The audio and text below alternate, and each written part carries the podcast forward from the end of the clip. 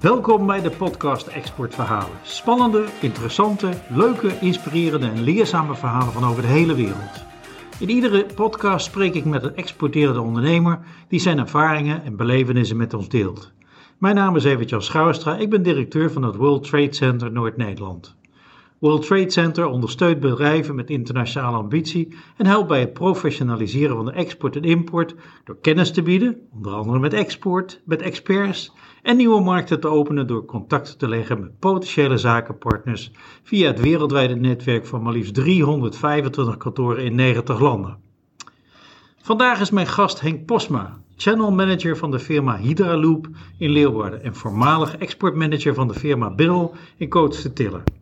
Hydraloop ontwikkelt en produceert gedecentraliseerde waterrecyclingproducten en Biddle is producent van luchtgordijnen. Henk heeft meer dan 30 landen bezocht, van Scandinavië tot Brazilië en van Kazachstan tot de Emiraten. Hallo Henk, fijn dat je er bent. Hallo, fijn dat ik er zijn mag. hey, wat doet een channel manager eigenlijk? Een, een channel manager bij Heiderloop die uh, draagt eigenlijk zorg voor het netwerk van partners, wederverkopers in de verschillende landen. En is het eerste aanspreekpunt uh, om ondersteuning te bieden om het merk Heiderloop in de verschillende landen op de kaart te zetten en te verkopen. En daarnaast draag ik de verantwoordelijkheid voor het uitbreiden van het bestaande netwerk. Oké, naar, naar, hoeveel partijen, naar hoeveel landen gaat het netwerk op dit moment? Uh, op dit moment hebben wij uh, bijna 100 uh, wederverkopers, distributeurs, partners aangesteld. En het aantal landen, nou ik heb het niet eens paraat, want het verandert met de dag, maar het zijn er zeker meer dan 40. Holy cow, dat is, dat is nogal wat. Ja. En in, en in hoeveel tijd is dat allemaal tot stand gekomen? Nou, de Heideloop is, is, heeft eigenlijk de aandacht gekregen nadat op de Las Vegas 6 beurs in 2020 uh, alle prijzen zijn gewonnen die er maar te vinden waren op het gebied van innovativiteit. En uh, toen hadden we nog geen partners. En eigenlijk sindsdien is het als een, uh, ja, als een malle gegaan eigenlijk. En staat de telefoon rood gloeiend. Dus het groeit eigenlijk met de week, kunnen wij bijna zeggen, dat het aantal partners groeit. Dus in een periode van pak een beet januari, februari 2020 tot nu is het opgebouwd. En dat betekent per land een vertegenwoordiger of heb je ook meerdere vertegenwoordigers in een land? Ja, we hebben in sommige landen meerdere vertegenwoordigers. Gek genoeg is het zo dat in een van de kleinere landen, dat heet België, hebben wij uh, meerdere partners. En op dit moment, uh, toevallig vanochtend nog contact gehad, in Pakistan hebben we er twee. Nou ja, in Pakistan wonen bijna 200 miljoen mensen. In België zijn dat er geloof ik 12 miljoen. Dus we hebben nog wat werk te doen in Pakistan. Maar om er aan te geven dat als een land groter is, zou je verwachten dat je meerdere partners hebt. Maar in sommige landen is dat wat, omdat het ver weg is, zijn we daar nu niet aan toegekomen om meerdere partners te vinden. Uh, dichter bij huis is dat iets eenvoudiger. En ik neem aan dat al die partners straks een keer bezocht gaan worden. Uh, dat is wel het ultieme doel, uh, om dat voor elkaar te krijgen. Dat is momenteel wat lastig. iedereen is wel bekend met het fenomeen COVID. Maar het idee, naar mijn mening is het ook van belang dat je uiteindelijk je partners gaat opzoeken. Omdat pas als je elkaar gezien hebt, getroffen hebt, dus, ook de achtergrond van een partner meer leert kennen, dan krijg je een veel betere vertrouwensrelatie. En uh, zal dat ook ten gunste komen van de toekomstige ontwikkelingen. Ja, hey, maar uh, je geeft heel duidelijk aan van, of tenminste Hydraloop, die ontwikkelt en produceert gedecentraliseerde waterrecyclingproducten. Wat moet ik me daarbij voorstellen? Nou, het meest eenvoudige om dat uh, voor te stellen is wanneer iemand thuis onder de douche staat. Dan uh, gaat het, het, het, douchewater, nadat het je lichaam is gepasseerd, het afvalputje in en dat gaat rechtstreeks het riool in. En als er nou een uurtje later iemand naar het toilet gaat en het toilet doorspoelt, dan spoel je je toilet eigenlijk door met, ja, wij noemen dat spa-blauw, maar eigenlijk met gewoon drinkwater. Nou, dat is eigenlijk zonde. Wat wij nou doen, is we hebben een, een product ontwikkeld wat dat water van de douche uh, schoonmaakt, reinigt, uh, desinfecteert. En dan is het van dermate kwaliteit dat je daarmee bijvoorbeeld je toilet kunt doorspoelen. Je kunt je wasmachine ermee voeden, zodat je de was kunt doen ehm, met gerecycled, gedesinfecteerd water. En je kunt het ook gebruiken om je tuin mee te irrigeren. Oké. Okay. En dat is, ah. dat, door dat decentraal te doen, uh, ja, los je het probleem lokaal op en, en, en, en bij de gebruiker. En daar geloven wij heilig in dat dat de beste methode is. Nou ja, zeker in deze tijden waarin uh, een aantal millennium doelen staan, uh, lopen jullie dat prachtig voorop. Zeker weten, ja. hey, je bent zelf flink reizende geweest. Dat was met name ook in de periode dat je voor je vorige werkgever werkte. Um, je hebt aangegeven dat je meer dan 30 landen zo bezocht hebt. Wat, wat is eigenlijk je favoriete land om te bezoeken? Nou, er, er, zijn, eh, er zijn meerdere landen waar ik graag, uh, graag kom. Ik moet zeggen dat ik in Finland uh, graag mocht komen. dat had er ook mee te maken dat we daar een distributeur hadden zitten waar je gewoon een goede relatie mee had. Dat op vriendschap gewoon bijna als, als vrienden, zou ik maar zeggen. daar mocht ik graag komen. De, de, de, de cultuur van Finnen die ligt ook wel een beetje dicht tegen de cultuur van Noorderlingen aan. Dus dat, dat, dat gaat ook wat gemakkelijk. Mooi land, mooie natuur, aardige mensen, um, hoge gevoel voor kwaliteit en innovativiteit. Dat sloot ook heel erg aan bij het product dat wij bij Biddle voerden. Daarnaast uh, moet ik zeggen dat ook eh, Spanje en Italië uh, wel hoog op mijn lijst stonden van aantrekkelijke landen. Ten meer omdat daar uh, nou, qua klimaat, qua cultuur, de beleving van ja, eh, de, de, de, de bijzaken in het leven, eh, eten, gezellig samen zijn, zijn daar, staan daar heel hoog in het vaandel. En ja, daar, daar, daar, voel ik me ook wel prettig bij. Kun je daar een paar voorbeelden van noemen, hoe je dat in de praktijk hebt beleefd? Um, nou, we, de, de, een, een, gegeven in Italië hadden we een partner zitten, die jongen die ken ik heel goed. En uh, daar ben ik uh, op vakantie uh, gezegd van, ik ben in de buurt. En hij nodigde me gelijk uit van, joh, kom langs, neem de familie mee. En uh, tot onze verbazing uh, ja, was er een, een, ruimte in een restaurant afgehuurd. Waar uh, heel uitgebreid met z'n allen hebben we daar gegeten. Er waren nog een paar contacten bij uitgenodigd. En we hebben daar twee, drie uur gezeten, getafeld met de kinderen erbij. nauwelijks over het werk gesproken, maar wel ja, even gewoon genoten van het Italiaanse keukentje. Prachtig, ja, dat zijn, dat zijn de mooie dingen. Ja, ja absoluut. Want ik kan me voorstellen dat als je veel reist, dat je ook veel beleeft. En dit soort dingen, dat zijn dan wel weer de hele mooie, bijzondere dingen in het leven. Zeker weten, ja.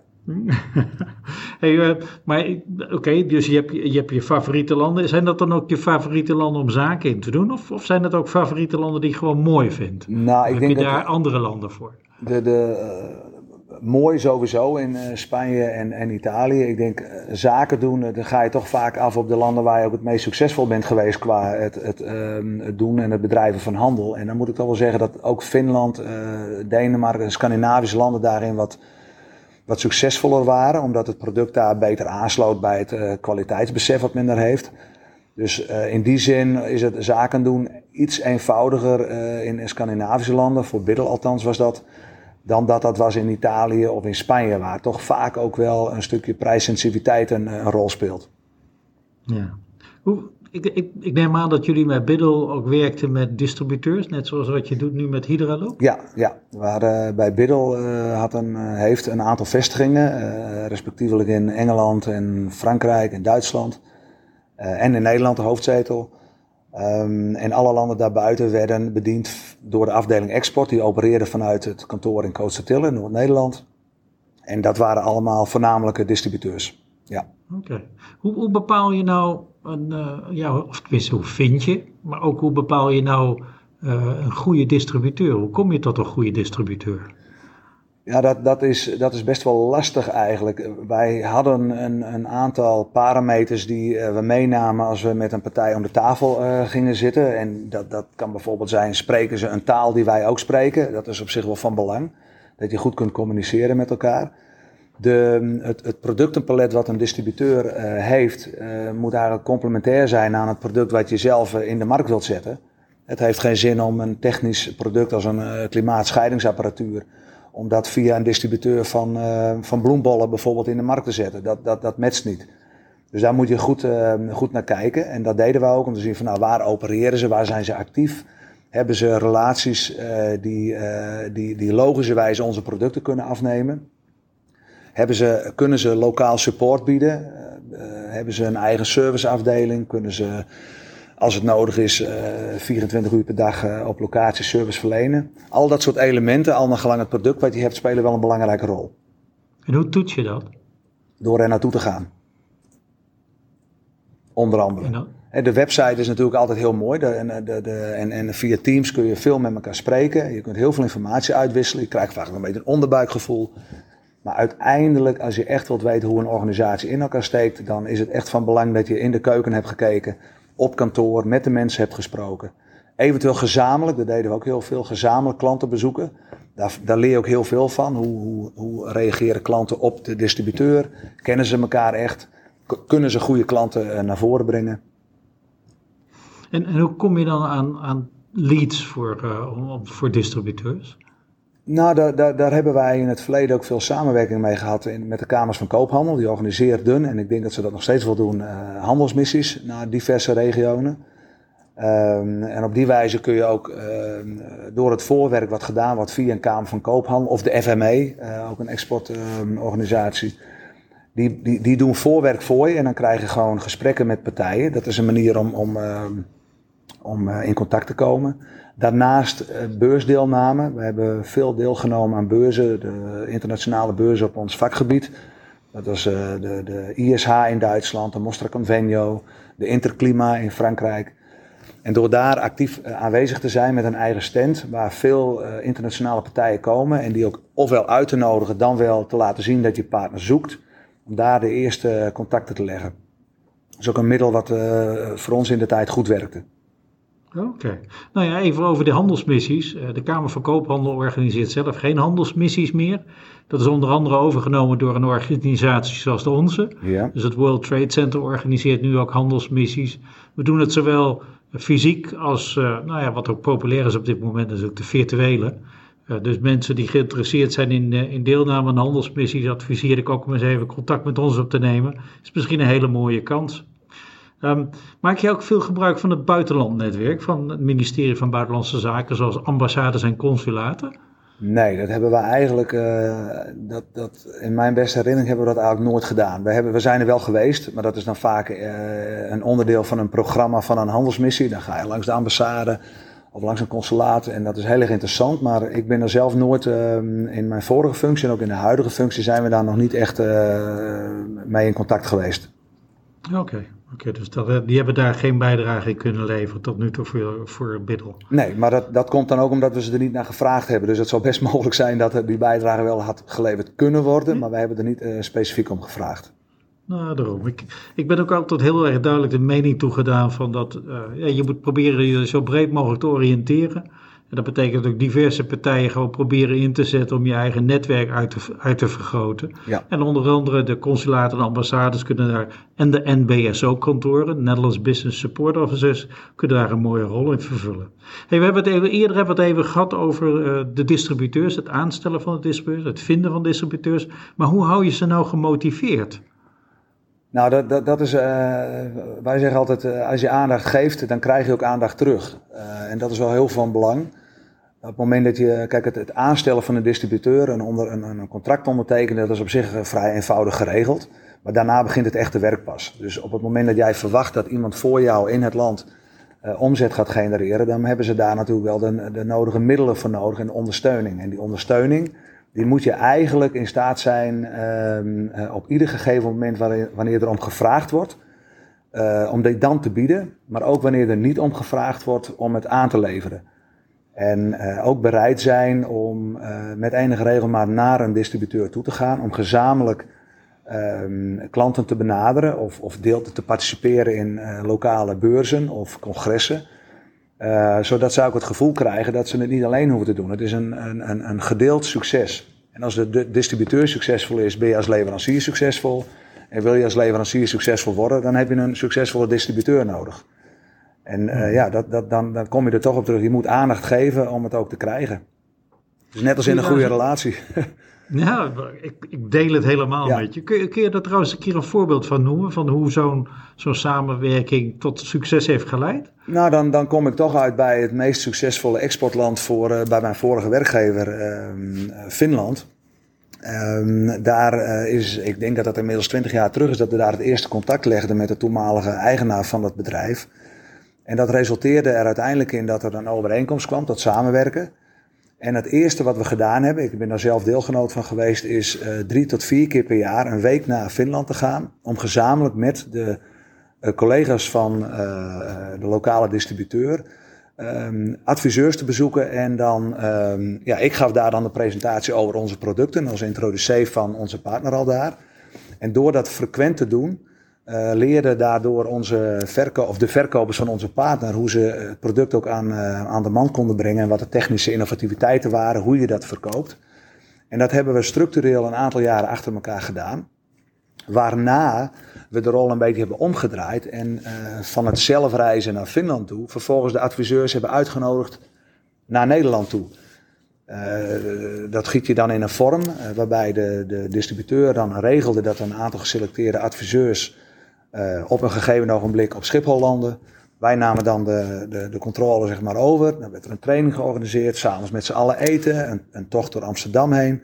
Nou, dan krijg je een, een, een, een, een, samenwerking van um, uitwisseling van informatie, het bouwen van een relatie, gezamenlijk klanten uh, aan je binden. En daar krijg je heel veel voor terug, want de, de, adviseurs in de landen die zien dat een partner van ons heel veel aandacht geeft, maar ook dat de leverancier erachter in staat is en bereid is om te investeren en vooruit te kijken naar de langere termijn. Prachtig. Hey, en, en, dan kan ik me ook voorstellen, dan ben je een distributeur, maar dan, dan ontstaat er een probleem bij een van je klanten. Um, en dat je dan dus de, de, ja, de producent daarop aanspreekt. Ja. Hoe, hoe, ging, hoe gaan jullie daarmee om en kun je daar misschien ook een voorbeeld van geven? Nou, je moet, in, je moet bereid zijn als uh, mensen die, dat, die zullen dat wel herkennen, die in de export actief zijn. Je moet bereid zijn dat op het moment dat op vrijdagmiddag de telefoon gaat en er is een groot probleem, dat je in staat bent om op maandagochtend of zondagavond in het vliegtuig te stappen en er naartoe te gaan. En wij hebben dat natuurlijk, uh, ja, dat zal ieder bedrijf herkennen. Uh, geen product is zonder problemen. Die doen zich nou ene keer voor. En meestal op het meest ongunstige moment. Dus het is wel eens voorgekomen dat, dat inderdaad je op een donderdag of op vrijdag krijgt te horen van nou, we hebben een probleem. En we willen graag dat iemand voorbij komt. Ja, dan zul je toch je agenda moeten leegmaken en op het vliegtuig stappen en er naartoe gaan. En dat hebben we in meerdere landen gehad. In Duitsland wel, ook in Finland wel. Niet met hoge frequentie, maar het, het komt voor. Ja, en dan stap je met je techneut samen in het vliegtuig ja. om dan het probleem aan te pakken. Ja, dat is soms met een techneut. Het kan soms ook een commercieel uh, probleem zijn. Dat men zegt van nou, we willen wel doorpakken, maar uh, we, we, moeten nog even over uh, wat aantal condities praten. Nou, dat werkt soms beter als je elkaar in de ogen kunt aankijken. En als daar dan een groot belang achter steekt, dan, ja, dan ga je daar naartoe. En dat, dat kan zijn dat je dat zelf doet. Je kunt dus een keer je CEO meenemen. Je kunt ook eens een techneut meenemen. Allemaal gelang het onderwerp moet je daar op aanpassen. Maar de, ker de kern en de crux is meteen oppakken op het moment dat er een probleem is. Ja, als je het laat liggen, dan uh, wordt het probleem gaat niet weg. Het probleem blijft. En als je geen aandacht geeft, dan, ja, dan wordt het probleem groter en raak je je klanten kwijt. En dat, dat wil je niet. Ik heb, uh, nou, je hebt ook aangegeven, ook in het voorwoord heb ik het ook even duidelijk gemaakt. Je hebt uh, wereldwijd heb je mogen reizen. Onder andere ben je in Brazilië geweest. Hoe was het om zaken te doen in Brazilië? Dat was heel bijzonder. De, het, het, het, was inderdaad een, een, handelsmissie van het ministerie van Economische Zaken. En wij waren eigenlijk als pionier eens kijken van nou zou het product klimaat, klimaatscheiding daar iets kunnen betekenen. En um, ja, dat is natuurlijk een hele andere manier van zaken doen in, in, in Zuid-Amerikaanse landen dan in Europa. Wij, wij zijn in Noord-Europa vrij direct. We willen graag gelijk antwoord hebben. Nou, dat, de ervaring daar was dat dat uh, toch wat langer duurt. En ehm, we hadden daar alle afspraken vonden plaats in het hotel ook. Behalve eentje die ik had, die vond plaats buiten het hotel. Nou, dat werd op zich wel als bijzonder ervaren. Rio de Janeiro is een prachtig mooie stad, maar je hebt daar ook wel wat gebieden waar je beter niet kunt komen. En net daar had ik een afspraak. Um, ik ben in een auto gestapt met, een, uh, met, met degene met wie ik de afspraak zou hebben. Nou, er zaten nog een aantal mensen in de auto, waarvan eentje een uh, best wel een groot pistool in zijn broekzak had. En ik vroeg erna van, nou, ben wel nieuwsgierig, maar er zitten wat meer mensen in de auto dan de bedoeling. heeft dat een reden? Nou, dat, de reden was dat dat waren mijn persoonlijke beschermers. We hadden een afspraak ergens in een favela. nou ja, ik dan, dan weet ik dat. Dus we zijn er naartoe gegaan. Ik had toen de keuze al gemaakt dat we daar verder geen zaken meer zouden doen. Maar we hebben wel een hele toffe dag gehad. Ik, ik ben onder begeleiding daar geweest.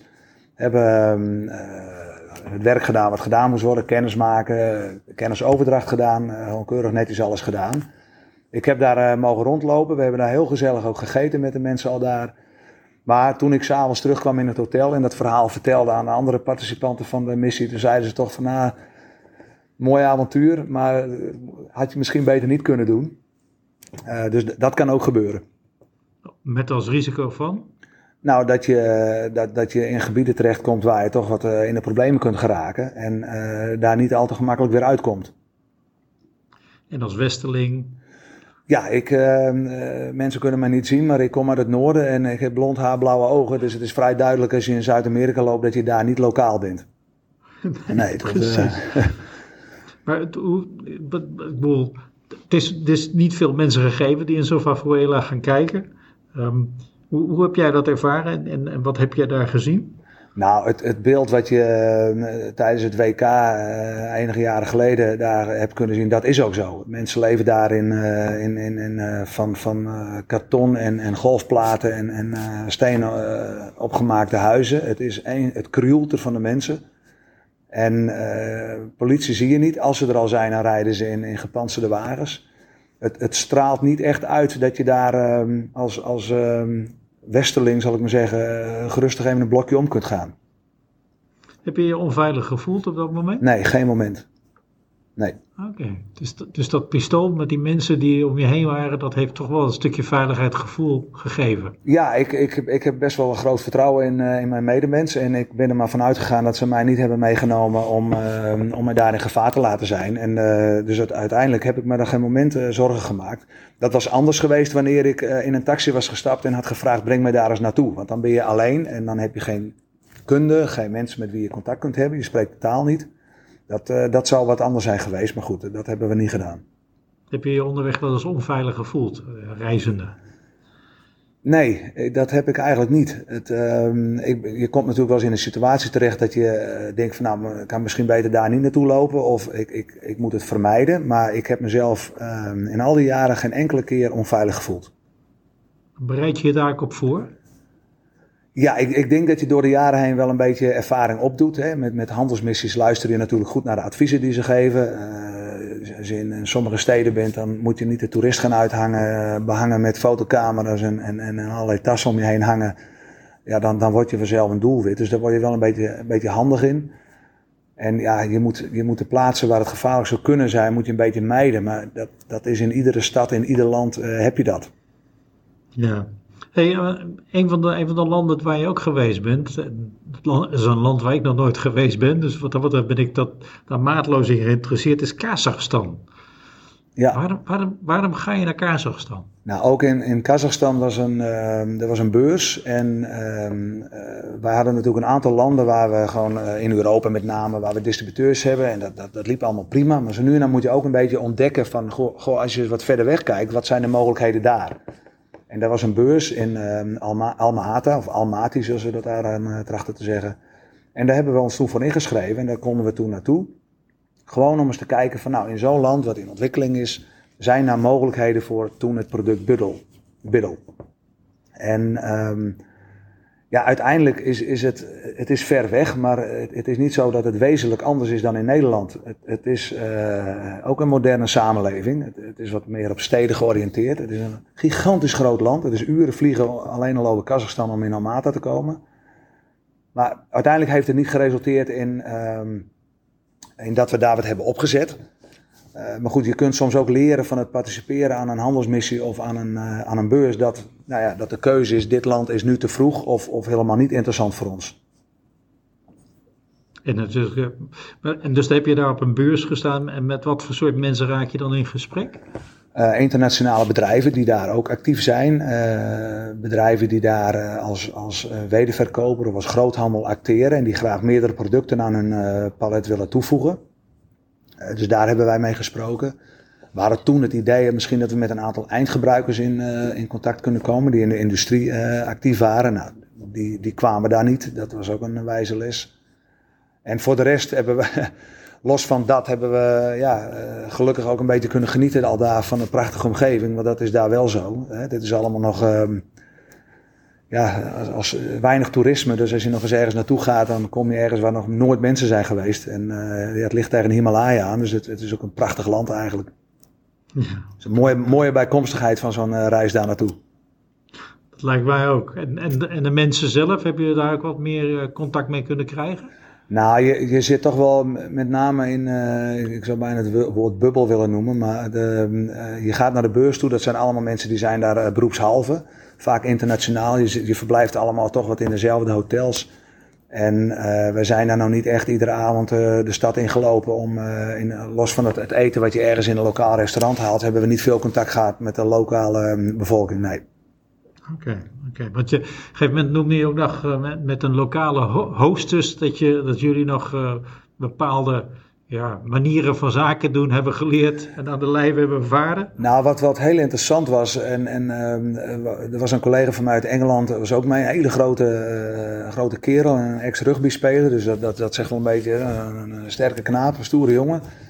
Maar na de beurs is het, zoals het overal is met beurs, iedereen wil naar het hotel en er zijn maar in beperkte mate taxis beschikbaar, dus dat, dat was daar niet anders. En um, de dame die voor ons als hostess op de beurs eh, stond, een heel klein meisje, die zei van nou weet je wat we ook kunnen doen? We kunnen gewoon bij de straat gaan staan, we steken onze duim op, er stopt wel een auto en die vragen we ons naar het hotel te brengen. Nou, ik vond het wel een goed idee. Mijn collega dacht daar anders over. Die zei dat is hartstikke gevaarlijk. Je moet niet zomaar wildvreemde mensen in de auto stappen. Nou ja, ik denk als zij hier vandaan komt en het is hier gebruikelijk, dan kunnen we dat gewoon doen. Dus wij hebben dat met z'n tweeën gedaan, uh, onze hostess en ik. En uh, mijn collega deed dat niet. Nou, wij waren enige uren eerder terug in het hotel dan mijn collega. En zaten al lang aan een, eh, een hapje eten en aan een borreltje toen hij nog eens kwam opdagen. Ja, dat, ik was dat ook niet gewoon of gewend om dat te doen. Uh, later heb ik het vaker gedaan. Het, het was in Moskou ook uh, wel gebruikelijk. Ja, dan, je kunt heel snel door een stad heen rijden als je, en goedkoop ook. Als je op die manier uh, vervoerd kunt worden. En, en, hoe weet je nou dat dit zeker is, dat, dat het veilig is? Dat weet je niet. Um, uh, dat, dat, is misschien ook wel een klein beetje risico nemen. Als je langs de straat gaat staan en uh, je steekt je duim op, ik ga er maar vanuit een auto die stopt. Die stopt ook en ze krijgen natuurlijk een kleine fee voor als je zegt van breng me daar of daar naartoe. Uh, als je maar een beetje weet waar je naartoe gaat, dat is wel handig. Ja, dat denk ik ook. Ja. En, bereid je je daar dan ook op voor als je, als je in, een, in een taxi stapt, dat je een beetje een gevoel hebt van?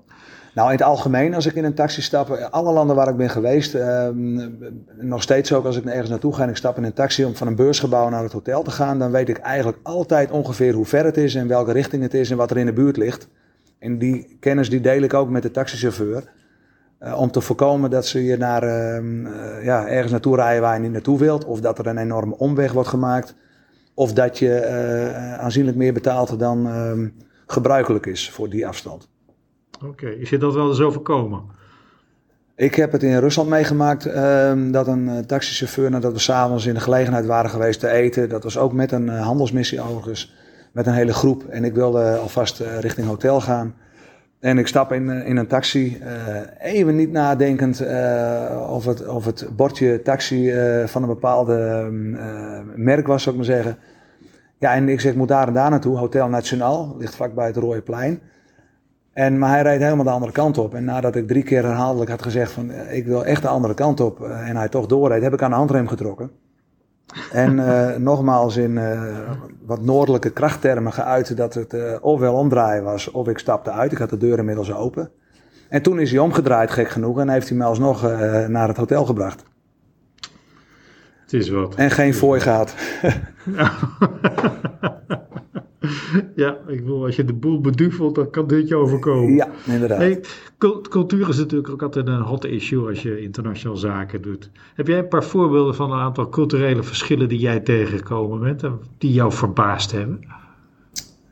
Um, nou, wat mij wel een beetje verbaasd heeft, is eigenlijk de. Uh, toen de eerste keer dat ik in Istanbul was, um, was ik toch wel verrast met het gegeven dat dat is eigenlijk wel een stad, eh, naar mijn mening althans, waar um, alle denkbare culturen uh, bij elkaar komen en in enige goede harmonie samen kunnen leven. Uh, en het is ook, ja goed, de geschiedenis vertelt het verhaal ook wel, hè? East meets West in, in, in, in, ehm, in Istanbul. En dat vond ik heel mooi om te zien. En in, sommige andere landen, ik, ben dan in, ik, heb, de, ik heb in Dubai mogen zijn, in de Emiraten. Daar heb je uh, wel heel groot verschil. Enerzijds heb je in, in de stad Dubai, daar kan alles. Daar, daar, uh, daar lopen mensen volledig bedekt. En in dezelfde shoppingmall uh, lopen er de Engelse dames in de bikini. Dat kan. En, en rij je 50, 60 kilometer verder, dan zit je in Sharjah. En daar heb je dat totaal niet. Dan zit je wel echt een beetje in wat meer extremistische ehm, kledij, gericht op bedekken van het lichaam. Dat is wel heel, heel bijzonder om dat te zien. Hoe, eh, hoe, hoe het heel ruimdenkend kan zijn en hoe het een klein stukje verderop ook heel strak kan zijn. Ja, en hoe ga je met dat soort culturen om? ook, ook in de communicatie? Nou, het, het, is niet aan mij om, uh, om een cultuurverandering teweeg te brengen. Uh, je moet het, uh, aanpassingsvermogen is denk ik wel een, een, eigenschap die je moet hebben als je actief bent in de export. En um, je moet altijd dicht bij jezelf blijven, maar je moet niet vergeten dat je ergens anders op visite bent. En als daar een bepaalde cultuur geldend is, dan is het verstandig om je daarna te gedragen. Ja, vind ik ook. Hey, wat is het, het lastigste land om zaken in te doen? Of waar, waar heb je ervaren dat onderhandelen erg lastig is? Nou, ik, ik vond Polen wel een lastig land. Uh, omdat aanvankelijk vaak met Polen men heel enthousiast is. En hoe dichter het dan komt tot het punt dat er wordt besloten om tot zaken doen over te gaan, dat er toch wel wat obstakels dan worden opgeworpen die vaak um, uh, richting prijsdiscussies gaan. En dan worden er ook wel extra dingen kwamen we dan tegen, ja, dan was er met de techniek wat aan de hand. En dan moest dit nog wat beter en dan moest dat nog worden uitgezocht. En uiteindelijk kom je dan in zo'n eindeloze stroom van informatievoorziening. Waarvan je op een gegeven moment denkt van ja, ben ik hier nou bezig mensen alleen maar informatie te geven zonder dat er daadwerkelijk concreet een, een sluitstuk achter zit of niet. En dat, dat was in Polen, en dat is nog steeds wel een beetje zo, is mijn ervaring, wel heel vaak uh, het geval. Dat men eigenlijk niet de keuze durfde te maken, laten we het maar gewoon doen. Oké. Oké, dus uh, daar, daar moet je rekening mee houden als je met, met, uh, met Polen in onderhandeling gaat. Ja. Af, afsluitend, hè, er zijn een van de verhalen die jij mij in, in de voorbereiding aangegeven hebt, dat was een, een, bijzondere belevenis die je had meegemaakt in Italië. Met een, op het moment dat jullie naar het vliegveld ja, veel te moesten. Ja, dat was in, in Bologna. En uh, ik zal verder niet de naam en de, en de, en de personen delen die daarbij waren. maar wij waren bij een, een, een, partner op visite. Een hele aardige vent ook. En we hadden gedaan wat er gedaan moest worden. Maar hij wilde ook nog even langs het huis van zijn ouders rijden. Om te laten zien waar hij dan geboren was, waar zijn moeder woonde. Nou, hij zei, ja, dat kan wel, maar we moeten straks het vliegtuig wel halen. En dat is nog een stukje rijden. Nee, maar dat was geen probleem. no problemo. Dus wij deden zo. En, uh, maar goed, dat duurde maar en dat duurde maar. En er moest nog meer gesproken worden. En moeder had dit, en moeder had zus, en moeder had zo. Maar uiteindelijk kregen we hem zover van, nou, uh, we moeten straks al drie kwartier boren. We willen straks wel naar huis, uh, naar huis vliegen. Nou, oké, dan gaan we die kant op. Komt helemaal in orde. Maar goed, een kilometer verder draaien we de snelweg op. En het eerste wat hij zei was, oké, now we have a problem. Want er stond een, een file van een kilometer of tien. En ja, dat, dat is best lastig als je je vlucht wilt halen. En gek genoeg, uh, een collega van mij zat achterin. Die, die was al een beetje nerveus aan het worden of we de vlucht zouden halen. Maar hij zwaait de, de parallelbaan op, de vluchtstrook op. En geeft een dot gas. En we zijn letterlijk met 150, 160 km per uur over de vluchtstrook gereden. Langs de file. Terwijl hij ondertussen nog even op de navigatie ging aanduiden. hoe je van boven kon zien waar het huis van zijn moeder stond. Nou, dat was een hele bijzondere ervaring. Mensen eh, zullen er niet geloven als ze er niet bij zijn geweest. Mijn collega van destijds, die weet het nog als de dag van gisteren, denk ik. Maar we hebben de vlucht wel gehaald. Dus uiteindelijk uh, angstige momenten meegemaakt, maar we waren er op tijd. Prachtig. Hey, voordat ik jou eh, de laatste vraag ga stellen, en dat is of jij een boodschap hebt die we zouden kunnen plaatsen op een heel groot billboard bij de A4 en, en om een stukje export te stimuleren. Heb je nog een tip voor uh, exporteurs? Um, ik zou zeggen, export moet je niet denken, maar export moet je doen. Het, het, um, ja, dat, dat, is het eigenlijk. De, de, heel veel mensen spreken erover, maar je moet gewoon doen. Je moet, het moet in je bloed zitten, je moet ervoor gaan. Het duurt 24 uur per dag, 7 dagen in de week. Prachtig. Dan is dat misschien ook wel de, de boodschap voor op dat levensgrote billboard. Ja. Er mag van mij langs de snelweg geplaatst worden. hey Henk, uh, dankjewel voor deze geweldige verhalen, maar ook je visie op exporteren. Uh, ik vond het weer heel leerzaam en ik hoop ook dat onze luisteraars dat hetzelfde hebben gevonden. Uh, ik dank jullie allemaal voor het luisteren. Over twee weken zijn we weer terug met een nieuwe podcast. Um, en wil je deze podcast nog een keer beluisteren of wil je meer weten over exporteren of over ons programma van webinars, handelsmissies of whitepapers? Ga dan naar onze website www.wtcl.nl. Bedankt allemaal en tot de volgende keer.